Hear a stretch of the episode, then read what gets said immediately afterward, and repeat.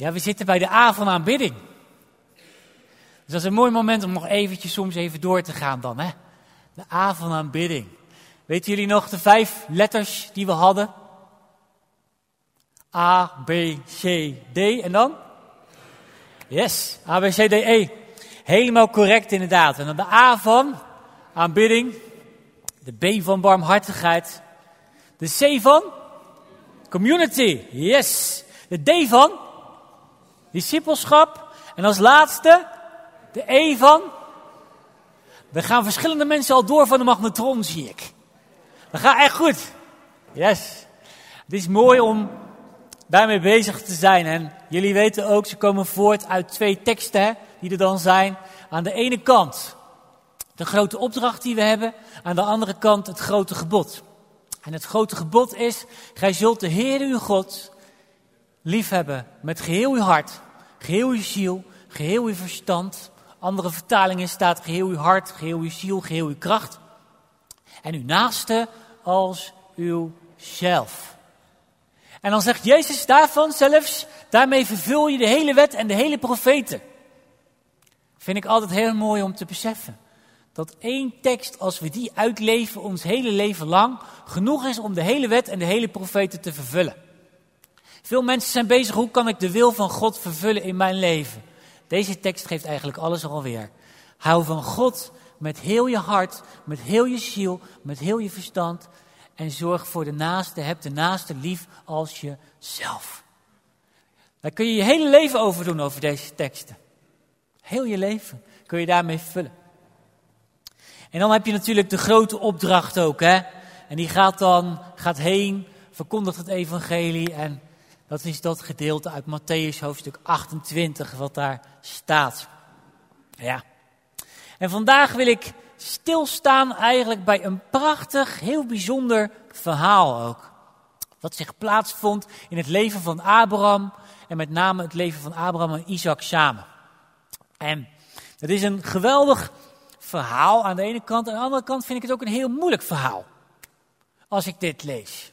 Het is de offering van Isaac. Waar we bij stilstaan. En de Joden vonden het ook niet altijd een makkelijk verhaal, dit verhaal. Ik heb ook eens wat onderzoek gedaan. Ik vind het altijd leuk om ook te kijken van ja, wat wordt er nou allemaal over geschreven, ook in de Joodse geschriften. Wat speelt daar? Wat, wat, wat vond men daar ervan? Want vaak wordt bij religie gedacht van, oh, je neemt alles maar aan en dan is het gewoon zo. En veel mensen lezen een bepaald gedeelte, we zullen hem zo lezen, die denken, ach, ja, zo is het zo. Maar wat voor emotie en wat daar allemaal bij moet zijn gekomen, dat speelt natuurlijk ook een hele grote rol. En ik moest denken ook aan een gedeelte wat dan in de Midrash staat. De Midrash zijn de Joodse geschriften, waarbij allerlei rabbijnen alles samenbinden eigenlijk. En die kijken dan van, uh, van hoe moeten we een bepaald gedeelte nou gaan uitleggen? En dat zijn heel gezaghebbende geschriften ook over hoe dan de Torah moet worden uitgelegd. Dus dat zie je in de Midrash. En vele honderden jaren en allerlei rabbijnen die bestuderen dan ook weer die verhalen die er dan weer zijn eigenlijk. En ook wat dan de commentaren zijn. En een van de commentaren die je dan leest, is, uh, die is kort voor Christus komt dit commentaar vandaan. En dan schrijft een van de rabbijnen hoe de engelen dat moeten hebben beleefd. Want Isaac die wordt dan geofferd. We gaan het, misschien moet ik het nu eerst even lezen, want misschien kennen sommige mensen het verhaal niet. Laat ik dat als eerste gaan doen. Ja, voordat ik te snel ga weer. Genesis hoofdstuk 22 gaan we lezen. En dan zie je in vers 1. En het gebeurde na deze dingen dat God Abraham op de proef stelde. Hij zei tegen hem: Abraham. Hij zeide: Zie, hier ben ik. Hij zei: Neem toch uw zoon, uw enige die u lief hebt, Isaac, Ga naar het land Moria en offer hem daar als een brandoffer op een van de bergen die ik u noemen zal. Toen stond Abraham s morgens vroeg op, zadelde zijn ezel, nam twee van zijn knechten met zich mee en Isaac zijn zoon. Hij kloof de hout voor het brandoffer, stond op en ging naar de plaats die God hem genoemd had. Op de derde dag. Zeg eens met mij, op de derde dag Op de derde dag sloeg Abraham zijn ogen op en hij zag die plaats in de verte. Abraham zei tegen zijn knechten, blijven jullie hier met de ezel. Dan zullen ik en de jongen daarheen gaan. Als wij ons neergebogen hebben, zullen wij bij u terugkeren. Daarop nam Abraham het hout voor het brandoffer, legde het op zijn zoon Isaac. Hij zelf nam het vuur en het mes in zijn hand. Zo gingen zij samen. Toen sprak Isaac tot zijn vader Abraham en zeide, mijn vader. Hij zeide, hier ben ik, mijn zoon. Hij zei, zie, hier is het vuur en het hout, maar waar is het lam voor het brandoffer? Abraham zei, God zal zichzelf voorzien voor het lam van het brandoffer, mijn zoon. Zo gingen zij samen. En zij kwamen op de plaats die God hem genoemd had. Abraham bouwde daar het altaar, schikte het hout erop, bond zijn zoon Isaac en legde hem op het altaar boven het hout. Toen strekte Abraham zijn hand uit, nam het mes om zijn zoon te slachten. Maar de engel des Heeren riep vanuit de hemel en zeide, Abraham, Abraham. Hij zeide, zie, hier ben ik. Toen zei hij, steek uw hand niet uit naar de jongen, doe hem niets, want nu weet ik dat u Godvrezend bent en uw zoon, uw enige, mij niet onthouden heeft. Ja. Toen sloeg Abraham zijn ogen op en keek om. En zie, achter hem zat een ram met zijn horens verstrikt in het struikgewas. Abraham ging erheen, nam die ram en offerde hem als brandoffer in de plaats van zijn zoon. En Abraham gaf de plaats de naam, de Heere zal erin voorzien. Daarom wordt heden ten dagen gezegd, op de berg van de Heere zal erin voorzien worden. Ja, heel bijzonder verhaal eigenlijk wat hier plaatsvindt. Waar ik ook altijd van onder de indruk ben. En de Joden vonden het ook een heel moeilijk verhaal. Ik weet niet of jullie het weten, maar heel veel van de Joodse geschriften, die zeggen ook dat de Joden dit elke dag zelfs moeten lezen. Dit verhaal. Vond ik heel apart toen ik dat tegenkwam. Elke dag moeten ze dat lezen. En niet iedereen doet het, maar veel lezen het ook elke week zelfs, dit verhaal. En dit, dit verhaal wil namelijk iets leren en daar waren die rabbies van overtuigd. En zoals ik al zei, in de Joodse geschriften had men ook al moeite met dit verhaal. Want er moest een kind geofferd worden. Dat is nogal wat, hè? Als je hierbij stilstaat. Isaac was de zoon van de belofte. En Abraham en Sarah hebben heel lang gewacht tot ze eindelijk zwanger waren. Eindelijk was het zover. En dan is zo'n kind waarschijnlijk 14 jaar ongeveer, schijnt het te zijn. En dan krijg je ineens Gods stem te horen van, hé, hey, ga hem offeren. Ik weet niet wat jullie zouden denken als je zoiets te horen krijgt, maar mijn eerste gedachte zal zijn, dit is niet bijbels. Toch? God leert heel duidelijk in het woord dat er geen mensenoffers gevraagd worden. Heel duidelijk. Hij is ook boos op uh, Moloch en allerlei andere dingen. Dus dat is iets wat bijna tegen de natuur ingaat. En toch krijgt Abraham zo duidelijk die stem te horen van ga dat doen. En Abraham, die doet het ook. Die gaat. En de Joodse geschriften, dan zeggen ze zelfs bij, op een gegeven moment staat er dan, in ongeveer 100 voor Christus is dat geschreven, dan zeggen ze de engelen zelfs, die zijn als het ware aan het huilen. Zo probeerden ze dat uit te drukken. En waarom waren die engelen aan het huilen volgens dan deze geschriften? Omdat het zo onnatuurlijk is. Onnatuurlijk. Een vader die zijn kind moet vermoorden is onnatuurlijk. Toch? Vond ik heel mooi om te zien dat je denkt van, hé, hey, die mensen zijn daar al heel nauw mee bezig geweest. Er zijn ook atheïsten die over dit stuk hebben geschreven zelfs. En een van de atheïsten, ik zal zijn naam ook niet noemen, die schreef hierover dat hij daarom ook gelooft dat God niet bestaat vanwege dit verhaal. Waarom? Hoe kan God nou zoiets doen? En dit is tegen alle conventies, zelfs de Nuremberg-conventie in. Om je eigen kind te vermoorden, vast te binden en allerlei dingen. Het is een apart verhaal. Het is een moeilijk verhaal ook wat dat betreft. Maar toch geeft God die opdracht aan Abraham. Abraham, vader van vele volkeren. Abraham, degene in wie hij is eigenlijk onze geloofsvader, staat er zelfs. Want eigenlijk is hij ook onze, Abraham hoort ook in onze lijn als vader. Want door Jezus zijn wij ook met, we zijn samengebonden samen met, met de Joden. Onze oudste broer en wij zijn ernaast. Daarom bidden we ook voor hem. Zo belangrijk om dat te blijven doen ook. Zo belangrijk. Maar hij gaat op weg. En dan pakt hij alles wat hij moet pakken ook. Hij neemt zijn zoon mee. Ik weet niet wat hij tegen Sarah heeft gezegd. Ik kan me heel goed voorstellen dat hij helemaal niks tegen Sarah heeft gezegd daarover. Dat hij gewoon zei, we gaan, we gaan offeren. Ik denk dat Sarah helemaal gek was geworden. Toch? Als je voorstelt, hè. Je man zegt, joh, ik ga even mijn kind offeren. Dan denk je toch, die is helemaal nuts. Precies, die krijgt een klap, hoor, zag ik al. dat klopt niet, dat klopt niet. Onnatuurlijk. We weten niet wat hij gezegd heeft, maar we weten wel dat hij ging. En dan vroeg in de ochtend, vroeg in de ochtend gaat hij. Hij pakt het hout, hij pakt het mes en dan gaan ze op met een ezel ook samen. Een ezel gaat er ook mee. Twee knechten gaan mee en dan gaan ze de plek vervolgen die daar is. En dan komen ze steeds dichter bij de plek. En dan staat er dat ze drie dagen bezig waren als reis. Drie dagen. Hoe moeten die drie dagen zijn geweest? Wat moet er in Abrahams hart zijn omgegaan? In het natuurlijke zat hij van, ja, ik moet mijn zoon gaan offeren. Ik moet dat gaan doen. Hoe moet ik dat nou gaan doen? En op de een of andere manier zien we niet in het verhaal dat Isaac zegt van vader, wat ben je zo bedroefd of zo. Dat zien we allemaal niet staan. Dat zien we allemaal niet staan. We zien wel dat ze gaan op weg.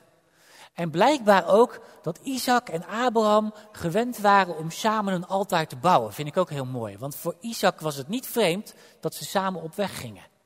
Het is belangrijk dat je een altaar bouwt voor de Heer. Dat wij eigenlijk als ouders onze kinderen meenemen in hoe we God groot maken. Het moet over de generaties heen gaan. Zo belangrijk. Het is een generatieding eigenlijk, geloof doorgeven aan de volgende generatie. Het is niet voor niks dat God de God van Abraham, Isaac en Jacob wordt genoemd. Dus het gaat over de generaties heen. De beloften gaan voort naar de volgende generatie. Belangrijk om je kinderen daarin mee te nemen. En dat was dus heel gewoon ook om te doen. En hij ging op pad. En ze hadden het hout bij zich. En op een gegeven moment staat er zelfs dat het hout op Isaac gelegd werd. Op Isaac gelegd werd. En zo droeg Isaac het laatste hout eigenlijk naar boven. Hij droeg het naar boven. Wat staat er? Het mes was daar. Misschien was het mes ontzettend scherp gemaakt. Ik kan me voorstellen, als je, als je een offer wil doden, dan moet je dat even goed slijpen, zodat het extra scherp is. En dan komt, komen ze daarboven. En dan zegt Isaac het volgende. Mijn vader, mijn vader. Wij zijn hier. We hebben het hout. We hebben het mes. We hebben alles eigenlijk gereed. Het vuur is er. Maar waar is het offerlam? Waar is het offerlam?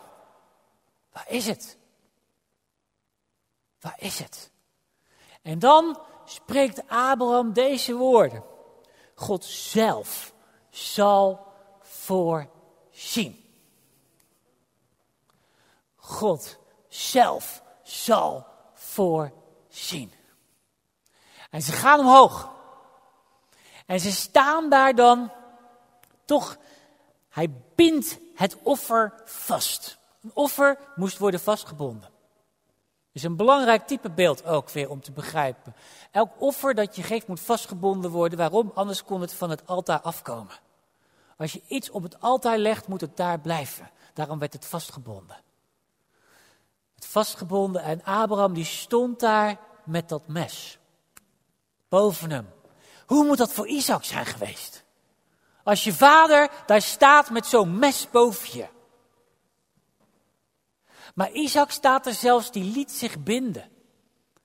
Hij deed niks ertegen. Als een lam gaf hij zich over. Zoveel vertrouwen had hij in zijn vader. Apart hè? Wat hier plaatsvindt. Apart vind ik dit wat hier plaatsvindt. Het is een jongen van een jaar of 14, 15. Abraham was behoorlijk oud. Had nog wel veel kracht op de een of andere manier. Maar misschien zou hij overmeesterd kunnen worden. Misschien zou hij van alles kunnen doen. Als Isaac dacht van nou weet je, ik ben weg. Foetsie. Toch? Ietsie pitsie foetsie. Je bent gewoon weg. Maar hij gaf zich over. En dan staat Abraham daar met dat mes boven hem. En dan spreekt gelukkig de engel des Heren. De engel des Heren die stopt. Stop, Abraham, Abraham. Twee keer spreekt hij zelfs. Abraham, Abraham. Abraham was zo vol met van zijn hart dat hij moest doen wat God zei, dat de engel des Heren zelfs twee keer moest zeggen, Abraham, Abraham. Ik denk als daar heel veel twijfel was bij Abraham, was één halve keer was al genoeg. Want als je dan hoort van, hé, hey, wacht eens even, er is iets anders. Toch? Zo zou ik zijn, denk ik. Wie zou ook zo zijn? Als je zoiets moeilijks moet doen. denk je, nou, misschien heer hoor ik het verkeerd. Misschien hoor ik uw stem nog over iets anders. Maar nee, dat was er allemaal. Abraham, Abraham. Doe de jongen niks. En dan stopt hij. Ja. En dan maakt hij los. En dan is daar een ram, is daar ook nog. En hier gebeuren heel veel bijzondere dingen, vind ik. Ik ga dit stuk gewoon eens uitpluizen. Wat ik zelf heel bijzonder vind, is Abraham die gaat zijn weg. Dat laat me zien dat geloof gehoorzaamheid is aan God, zelfs als het boven onze gedachten is. Want Gods gedachten zijn hoger dan onze gedachten.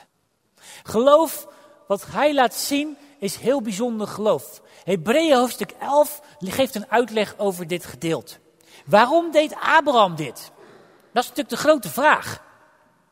Als je een belofte hebt gehad en alles zit in die zoon eigenlijk, de belofte zit in die zoon. De volgende generatie was er niet zonder Isaac. De droom die Abraham had, was er niet zonder Isaac.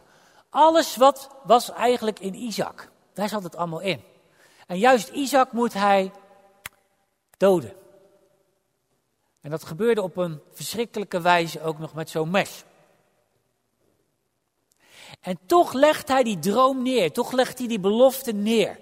En waarom? Omdat Hebreeën hoofdstuk 11 staat zo mooi dat hij wist dat God bij machten was om hem uit de doden te doen opstaan. Hij wist dat God bij machten was om hem uit de doden te doen opstaan. Dat was het. Trouwens, er zijn een paar theologische problemen hiermee met deze dingen.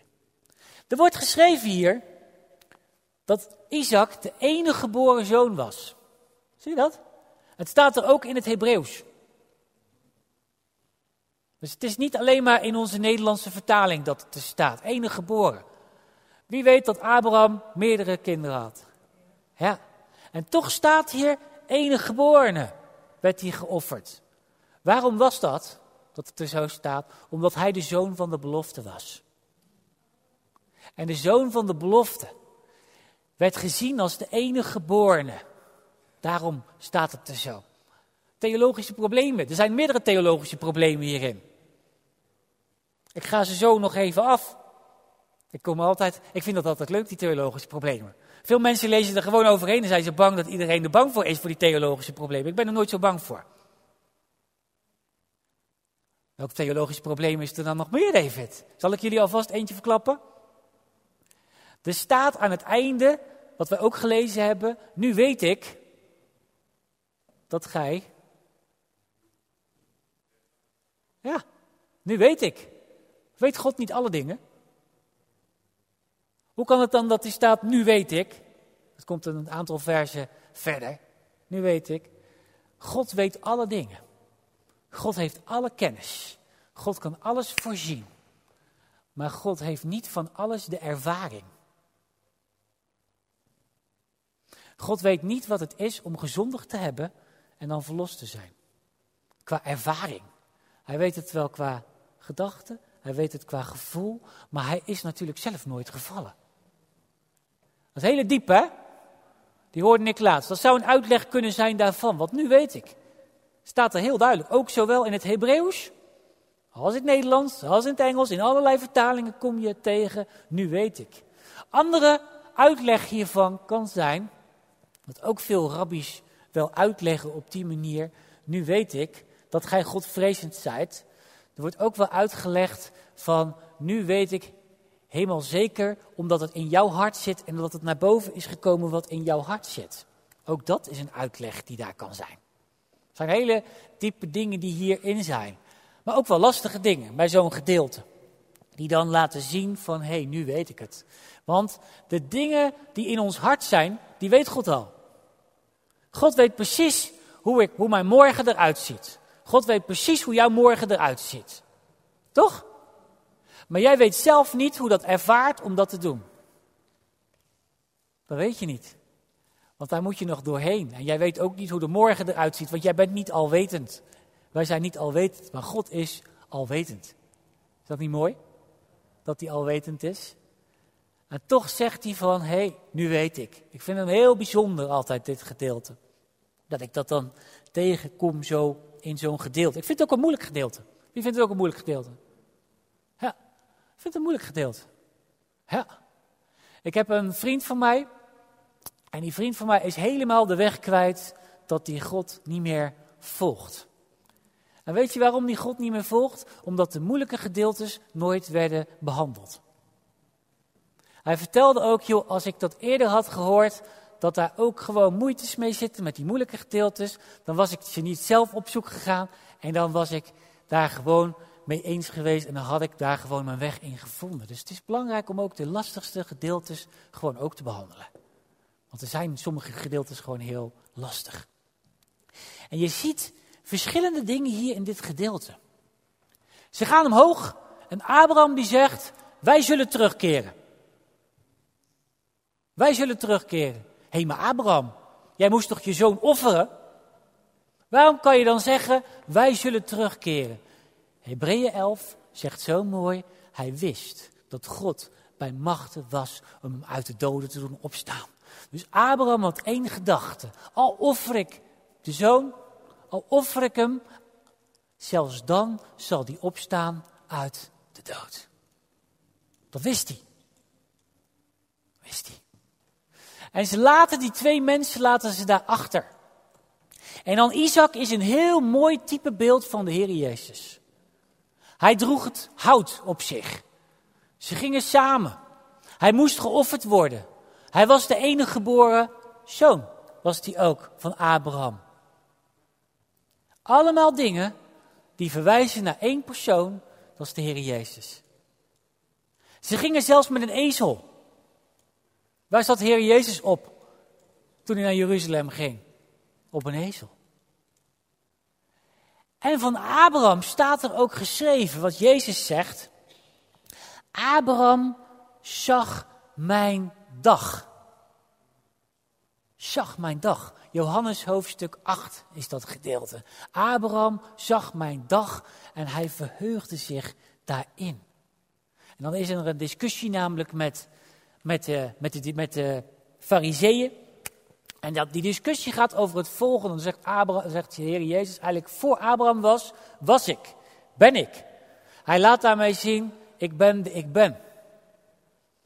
En dan op dat moment staat er, voor Abraham was, was ik en Abraham heeft mijn dag gezien. Ergens anders staat ook dat zelfs het evangelie verkondigd is aan Abraham. Zelfs het evangelie is verkondigd aan Abraham. En dat vind ik iets heel bijzonders. Gelaten hoofdstuk 3, vers 7 en 8. Gij bemerkt dus dat zij die uit het geloof zijn, kinderen van Abraham zijn. En de schrift die tevoren zag dat God de heidenen uit geloof rechtvaardigt, heeft tevoren aan Abraham het evangelie verkondigd. In u zullen alle volken gezegend worden. Het evangelie werd Abraham verkondigd. Wauw. Het evangelie werd hem verkondigd. Het evangelie is het goede nieuws wat Jezus Christus gedaan heeft voor jou en voor mij. En die boodschap werd Abraham al verkondigd. Het is niet voor niks dat Melchizedek op een gegeven moment bij Abraham komt en dan dat daar brood is en, en wijn. Heel duidelijk zie je brood en wijn. Dus het evangelie werd al verkondigd. En wat ook heel bijzonder is, de berg waar zij waren, Abraham samen met Isaac, was de berg Moria. En Moria ligt op een aantal honderden meters van Golgotha vandaan. Het ligt daar niet ver vandaan. Je zou, als je je oog opheft, zou je Golgotha kunnen zien vanaf daar. We weten niet wat Abraham zag. We weten wel dat het evangelie hem verkondigd was. We weten wel dat hij geloofde dat God bij machten was om hem uit de doden te doen opstaan als hij hem zou ombrengen. Dat weten we. We weten ook dat het evangelie hem verkondigd is. Zou het wellicht kunnen zijn dat Abraham zo een openbaring had van het evangelie dat hij iets zag van Jezus' dag? Zou dat kunnen zijn? Zou het kunnen zijn? Hij zag mijn dag, zegt de Heer Jezus. Hij zag mijn dag. Welke dag? Het was hier ook de derde dag. Wellicht zag hij iets van de grote dag. Weten we niet. Staat er allemaal niet bij. Maar we weten wel dat hij het evangelie hem was verkondigd. En hij zag iets in God, dat God een God is van genade en een God is van opwekking van de doden. En dat is krachtig om te beseffen. Hoeveel te meer mogen wij dat zien? Als wij terugkijken naar wat God allemaal gedaan heeft. Hij is gestorven voor ons op het kruis van Golgotha. Prachtig type beeld met Isaac. Hij is gestorven en op die derde dag is hij ook opgestaan. Opgestaan en hij leeft. Amen. Wij zien Jezus. Hebreeën 11 is het gedeelte over het geloof. Hebreeën 12 staat daar net na. Ja, David, Hebreeën 13 komt daarna. Dat klopt. Maar Hebreeën 12 komt daar precies na. En wat staat er in Hebreeën hoofdstuk 12? Laat ons oog daarbij alleen gericht zijn op Jezus. Laat ons oog alleen gericht zijn op Jezus. En waar je ook doorheen gaat, laat je oog gericht zijn op Jezus. Waar je ook staat, laat je oog gericht zijn op Jezus. In het Grieks staat daar, laat je oog gericht zijn op Jezus en laat alle afleiding van je wegvallen. Want afleiding spreekt elke keer weer. Als je bezig bent met de geloofsavonturen. Want God wil je meenemen naar nieuwe geloofsavonturen. God neemt Abraham mee bij de grootste test van zijn leven. Grootste test van zijn leven. De grootste test van zijn leven is dat hij zelf zijn zoon moet offeren. We hebben allemaal wel eens testen gehad op school. Wie heeft er wel eens testen gehad op school? Och, ik had wel eens van die testen en dan wist je nooit van tevoren ook of je zo'n test had. Hadden bijvoorbeeld een Fransleraar en die vond het geweldig om iemand een beurt te geven. En dan zat je in die klas en dan dacht je van oeh, ik niet, ik niet, want ik was heel slecht in Frans. Het was zelfs zo dat ik in de tweede klas van het ateneum was gekomen, dus VWO. En toen zei die leraar in het openbaar, sommige mensen zijn hier niet gekomen vanwege hun Frans. Hè David? Want sommige mensen, die weten dat Frans toch wel een beetje moeilijk kan zijn. Hè David? Zo ging dat. Dat is trouwens pedagogisch niet zo handig. Maar het was wel een waarheid. En dat was een makkelijke test. En dan kreeg je zo'n beurt voor zo'n bordje, joh. Oh, En dan stond je daar en dan brak het zweet je helemaal uit als je dan moest gaan schrijven, weet je wel. Oh, en ik heb ook nog een doktershandschrift, dus bijna onleesbaar. Dus zat hij ook nog zo van, wat staat daar? Ja, het is allemaal wat. En dat zijn kleine testen die je dan doormaakt. Maar dit is de grootste test eigenlijk die Abraham meemaakt. De test van zijn leven. En soms kom jij ook voor bepaalde testen te staan. Wil je dingen aan de Heer geven of niet? Ik stond een keer zelf voor een moeilijke test ook, eigenlijk die de Heer mij gaf. Toen ik bezig was met studeren, heb ik rechten gestudeerd. Met één gedachte dat ik op een gegeven moment, ik wilde advocaat worden. Dat was mijn gedachte. En ik was klaar met mijn studie. En op een gegeven moment stond ik voor een spiegel. En ik was gewoon mijn haar aan het doen zoals normaal het geval is. Je moet er inmiddels toch ook wat netjes uh, uitzien, hè? Als je haar maar goed zit. Toch? En ik was gewoon mijn haar aan het doen. Ik was aan het solliciteren, ook voor verschillende functies binnen de advocatuur. En toen hoorde ik, solliciteer niet meer in de advocatuur. En ik dacht, ja, maar dit is mijn droom. Dit is mijn droom. En ik wist dat God sprak. Soms weet je dat God spreekt, hè? Dat is mijn droom. Ik heb mijn droom toen teruggegeven onder tranen aan de Heer. Van Heer, ik geef het terug. Ik wil dit heel graag. Heer, het is mijn droom. Ik, u heeft blijkbaar andere plannen in mijn leven op dit moment. Ik snap het niet helemaal, maar ik geef het terug aan u. Ik leg het als een offer voor u neer. Ik heb het als een offer neergelegd.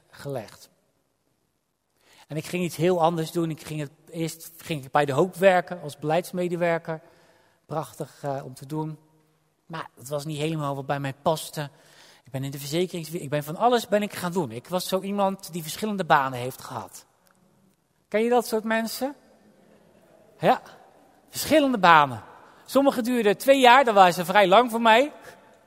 En ik had er ook een paar die duurden maar zes maanden. Dan vond ik het niks. Ik was zoekende, zoekende, zoekende. En pas vele jaren later, zo'n tien jaar later, was ik bij een bijeenkomst. En dat was een profeet. En deze profeet was een Australische profeet, Russell Sage. Misschien wel eens van gehoord. Hij was daar en op een gegeven moment was ik daar en toen, zei ik van, toen was ik met hem aan het spreken wat ik nou deed en zo. En, hij vroeg van, you're not a lawyer. Je bent dus geen advocaat. Ik zeg, nee, ik ben geen advocaat, nee. En toen ging hij met mij bidden. En toen zei hij, weet je wat ik zie in de geest? Ik zie dat jij een eigen advocatenkantoor gaat hebben. Dat je advocaat gaat worden. En dat je verder gaat daarin. En ik denk, ja, maar ik heb het aan de Heer teruggegeven. Dit is, eigenlijk is de weg helemaal doorgesneden nu op dit moment. Dat is eigenlijk niet meer mogelijk. Soms heb je dat, hè? Niet meer mogelijk. Wie kent dat? Niet meer mogelijk. Wie zit er in een situatie van niet meer mogelijk? Ja, soms ga je van die dingen ga je doorheen, die zijn niet meer mogelijk. Maar ja, hij sprak dat heel duidelijk uit. En het was dezelfde man die, voor, die uitsprak. Ik was namelijk met mijn eigen bedrijf begonnen, een maand, eh, een maand ervoor zo'n beetje, twee maanden ervoor. Of nee, het was ongeveer zo'n vijf maanden bezig. Korte tijd kwam ik diezelfde man tegen. En mijn bedrijf dat werkte echt voor geen meter. Ik had wel meetings met allerlei mensen, maar er kwam gewoon geen cent uit. Wie kent dat, dat er geen cent uitkomt? Nul. Het werkte gewoon voor geen meter. En deze man kwam ik tegen en hij zei, over een maand zie ik dat jij op een poort staat van financiële doorbraak en het gaat over een maand zijn. Heel specifiek hè? Heel specifiek. Kan je die checken? Ja. Nou, precies een maand later had ik een hele grote opdracht gekregen, precies op, op een dag af de maand. Zo is God. Ik geloof in profetie. Ik geloof in profetie. En daar het was hetzelfde. En ik was bij een ondernemersontbijt. En daar kwam ik een persoon tegen en die zat naast mij en die zei... hey David, wil jij eigenlijk niet advocaat worden? Gewoon uit het niets. Ik zeg, ja, dat zou ik misschien wel willen, uh, maar hoe ga ik dat dan doen? Wie kent dat, dat maar?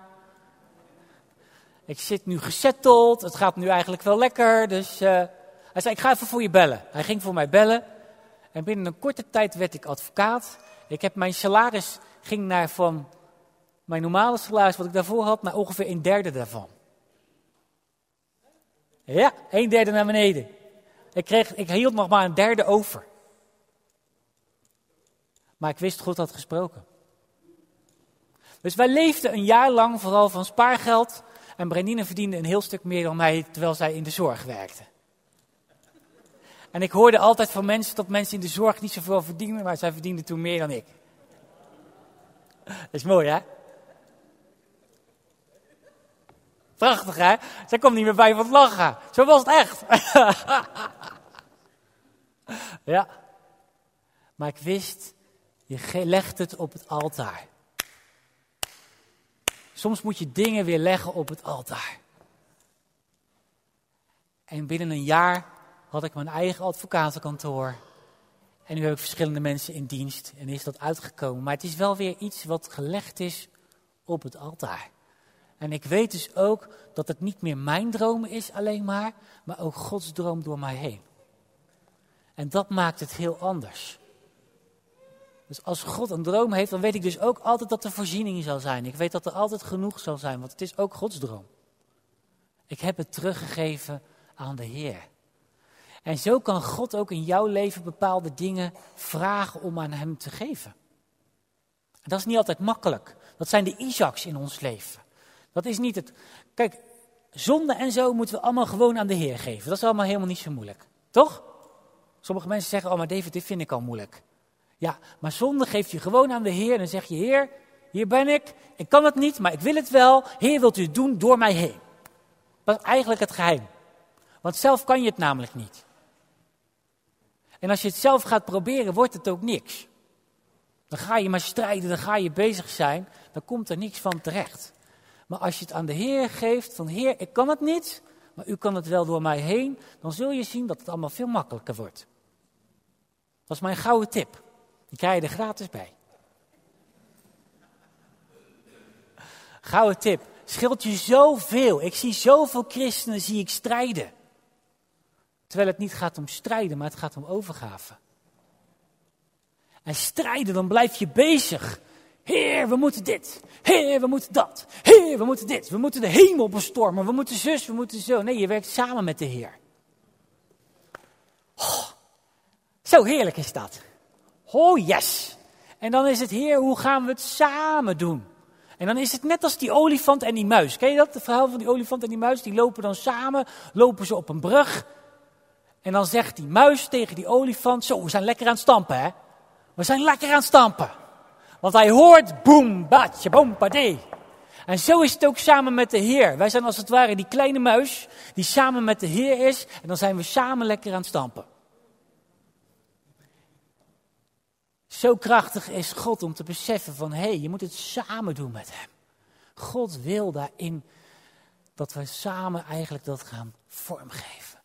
En dan is de grote vraag die hier dus ligt van welke Isaac hebben wij in ons leven? Wat hebben wij in ons leven?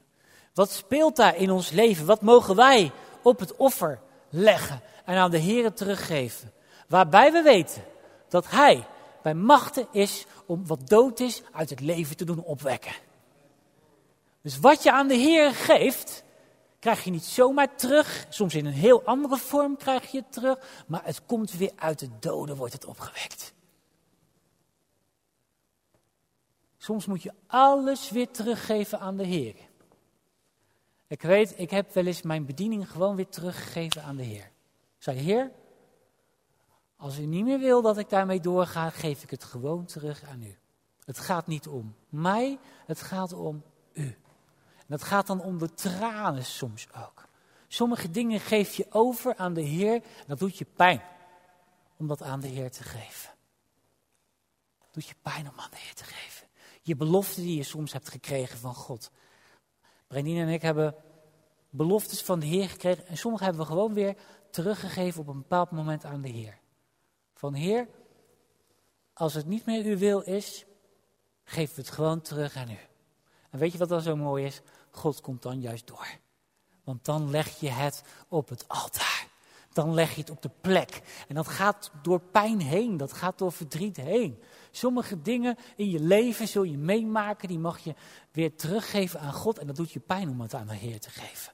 Maar geef het weer terug aan Hem. Geef Hem je droom. Geef Hem je visie. Geef Hem je beloftes. Geef Hem je plannen. Isaac is de zoon van de belofte. Isaac is degene in wie elke droom van, die Abraham heeft vervuld gaat worden. En toch wordt hij op het offer gelegd. Dat is overgave. Dat is overgave. En die overgave kun je niet maken.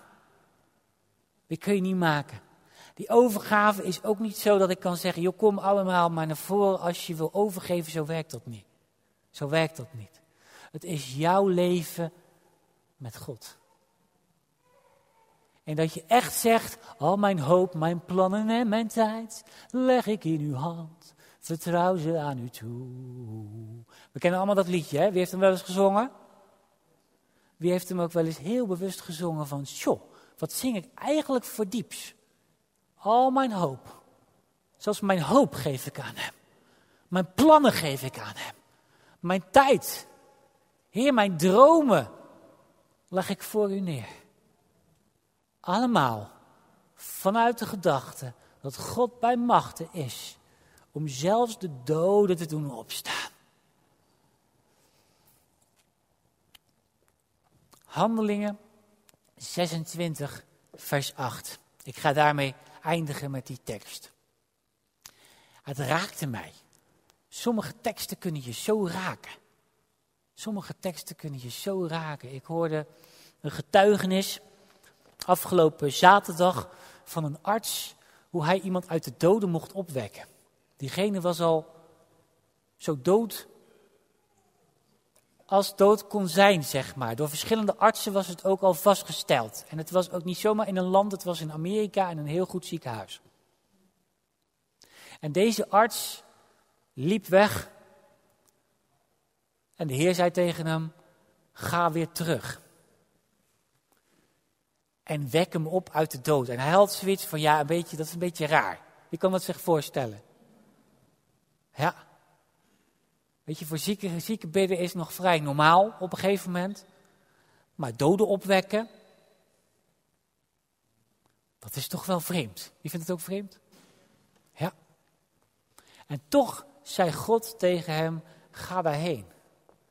En toen bad hij een gebed, Heer, als deze persoon u niet kent, laat hem dan opstaan uit de dood. En hij stond daar nog, de, de, de, de, andere verpleegkundige was bezig, alles was al zwart geworden. Dus de dood was al aan het intreden op dat moment eigenlijk. En er kwam nog een andere arts kwam langs en die had zoiets van, ja, wat doe jij eigenlijk hier? Want hij was de hoofdarts op die afdeling. De artsen hadden al vastgesteld, hij was dood. Ze hadden allerlei schokken toegepast en dus ene schok naar de ander. En dan is het op een gegeven moment gewoon voorbij. En hij stond daar en die arts kwam langs, die zaaldokter, en hij zei, geef hem nog een schok. En die zaaldokter had zoiets van, ja, maar we gaan hem geen, geen, geen schok geven, joh. Hij is al meer dan 45 minuten zonder tekenen van leven, als die überhaupt. Hij kan niet meer opstaan, alles is ook al kapot aan de binnenkant, de hersenactiviteit, alles is gewoon voorbij.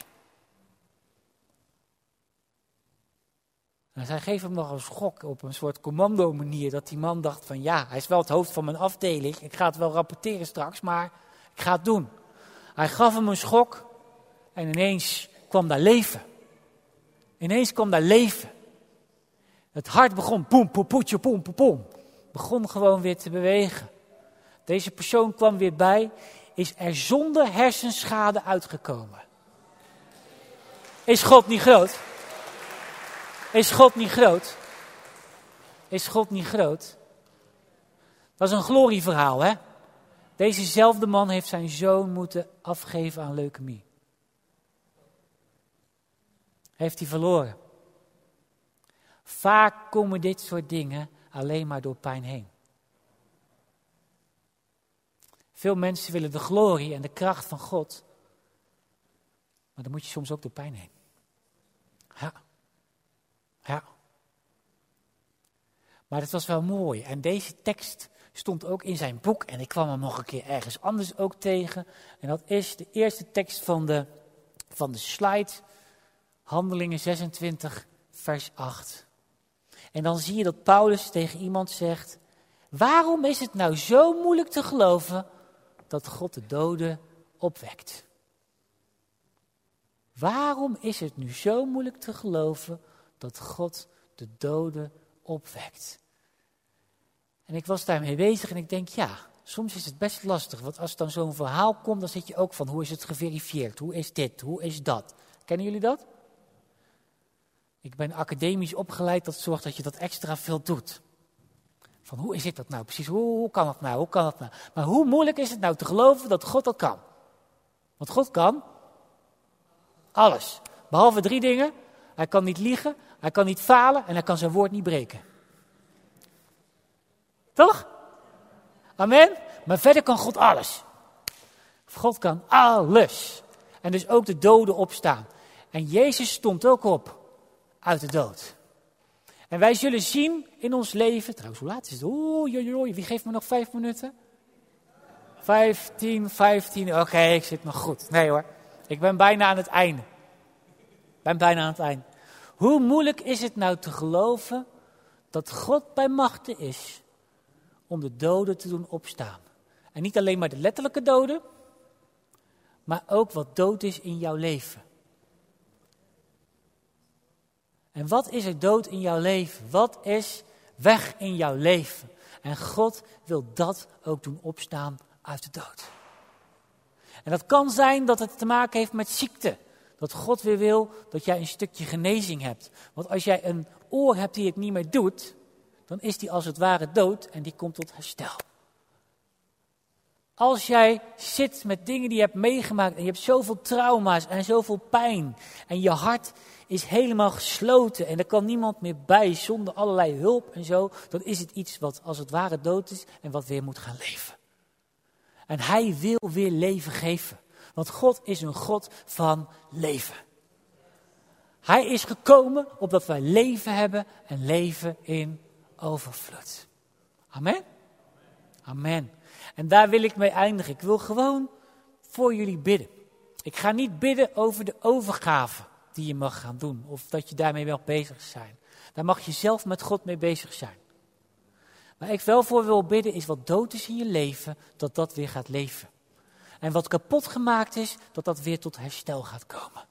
Dat wat ziek is, dat het tot genezing mag komen. Dat daar gewoon doorbraken mogen zijn. Want Hij is een God van opstanding. Hij is een God die het onmogelijke weer mogelijk maakt. Zo is onze God. Amen. Halleluja. Amen.